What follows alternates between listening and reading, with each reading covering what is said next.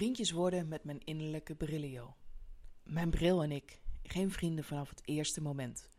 Opgegroeid in de jaren negentig met weinig keuze voor kinderen was het hebben van een bril niet hip. Verre van. Brillio werd ik genoemd. Op school. Als de juffen niet keken. Of soms wel, want het vloog er ook gewoon wel uit bij een aantal klasgenootjes. Het was zo niet cool om een bril te hebben. Geen vrienden, mijn bril en ik. Ik zette hem op omdat het nodig was. Zodra het kon, ging hij ook weer af.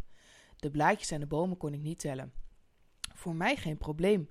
Ik leerde mezelf focussen op wat voor me waren. Mijn ouders vonden het wel een probleem. Gevaarlijk ook, voor een kind dat iedere dag 12 kilometer heen en weer terug naar school fietste.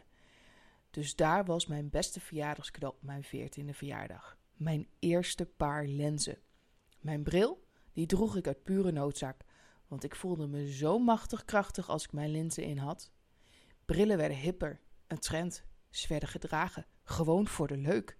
En ik, ik bleef bij mijn lenzen. Mijn lenzen en ik waren maatjes.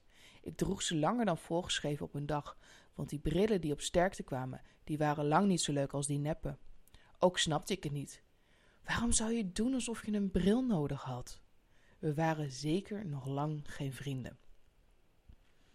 Er kwamen steeds meer mensen in mijn omgeving die een bril nodig hadden. Ze kozen niet voor lenzen tot mijn verbazing. Zij kozen voor een paar tientjes een bril op sterkte en wisselden ieder jaar af. Dat kon ik ook, dacht ik. Daar ging ik dan, met mijn lenzen in, zodat ik goed kon zien wat ik uitkoos. De bril was best oké, die daarop volgende ook. Ik kreeg een favoriete winkel voor mijn bril en mijn lenzen, maar bovenal was ik nog steeds besties met mijn lenzen.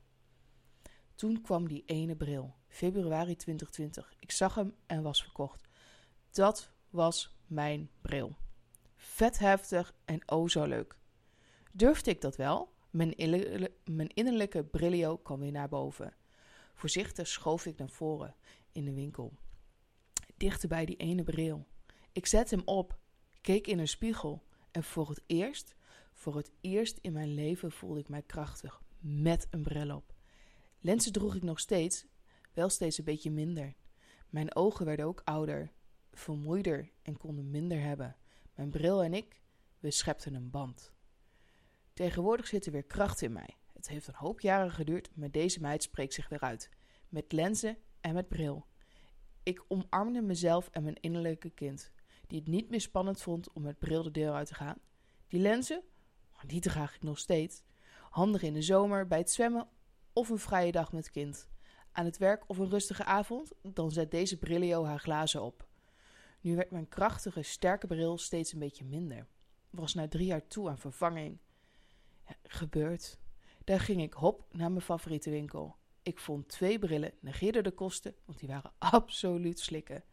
De medewerker zag het en poeste niet. Ze gaf me ruimte. Ruimte om voor mezelf op te komen. Mijn eerste echte dure titaniumbril en een Ray-Ban zonnebril op sterkte waren een feit. Voor het eerst voelde ik dat we met z'n drietjes vrienden konden worden. Mijn nieuwste bril is dan ook een stuk rustiger. Nog steeds groot en aanwezig, alleen komt de uitstraling nu uit mezelf.